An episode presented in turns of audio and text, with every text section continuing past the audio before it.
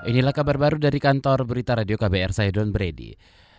Saudara Polri menyebut penembakan hingga menewaskan mahasiswa di Kendari pasca demo adalah spontanitas. Juru bicara Polri Dedi Persatyo mengklaim pemimpin di kepolisian telah memerintahkan aparat menjaga demo sesuai prosedur. Dedi mengatakan tersangka AM berniat memberikan tembakan peringatan namun tidak memperhatikan sekitar. Sudah ada perintah langsung dari pimpinan Polri setiap pengamanan dan penanganan rasa seluruh anggota Polri tidak diperbolehkan membawa senjata api. Ya, kalau tidak boleh senjata api, apalagi peluru tajam dan peluru itu tidak boleh.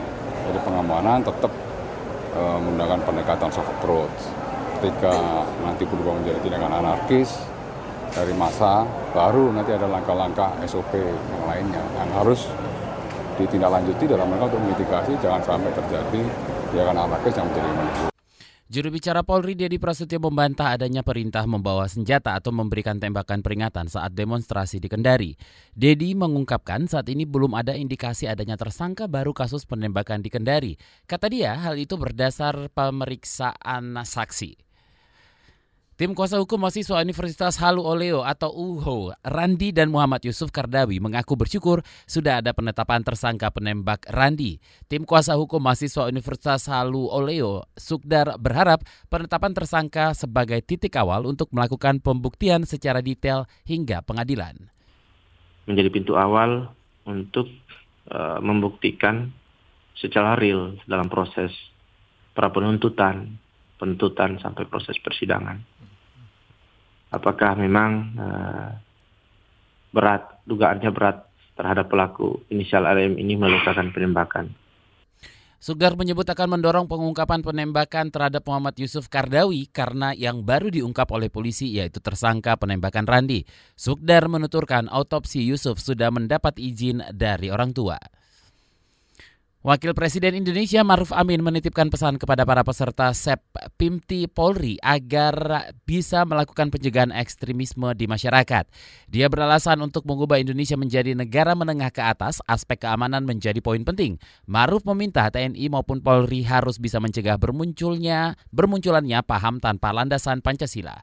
Karena itu maka kita harus mencegah kemungkinan adanya kelompok-kelompok yang keluar dari komitmen kebangsaan ini. Harus mencegah timbulnya radikalisme maupun juga intoleran. Radikalisme itu sebenarnya bukan soal pakaian, tapi radikalisme itu adalah cara berpikir, cara bersikap atau perilaku dan cara bertindak. Oleh karena itu upaya-upaya yang harus kita lakukan adalah meluruskan cara berpikirnya Maruf juga meminta agar anggota Polri menanamkan idealisme Pancasila dalam diri mereka agar tidak terbawa arus ekstremisme. Kata dia, paham semacam itu bisa timbul di mana saja sehingga penguatan ideologi dan idealisme kebangsaan harus lebih ditanamkan. Saudara peringati Maulid Nabi Muhammad, warga desa Sumber Mulyo, Jombang, Jawa Timur menggelar atraksi tumpukan raksasa beri, berisi ribuan tahu. Desa sentra penghasil tahu menggelarnya sebagai wujud rasa syukur. Ribuan warga berdesakan untuk memperebutkan tumpeng raksasa dari tahu goreng. Bupati Jombang Muhdijah Wahab mengatakan tumpengan tahu raksasa yang digelar warga bisa menjadi atraksi wisata. Saya mengapresiasi kegiatan inovasi yang tahun ini adalah sangat luar biasa dengan adanya gerbek tahu. Karena di desa Sumbermulyo potensi sekali para pengusaha-pengusaha besar tahu yang dan tahu ini tidak hanya untuk di Jawa Timur, bahkan bisa ke Kalimantan, tahu Jombang. Bupati Munjidah berharap gerbek tumpeng raksasa berisi tahu ini bisa digelar secara rutin sehingga menjadi simbol sebagai desa pusat industri tahu. Demikian kabar baru dari kantor Berita Radio KBR, saya Don Brady.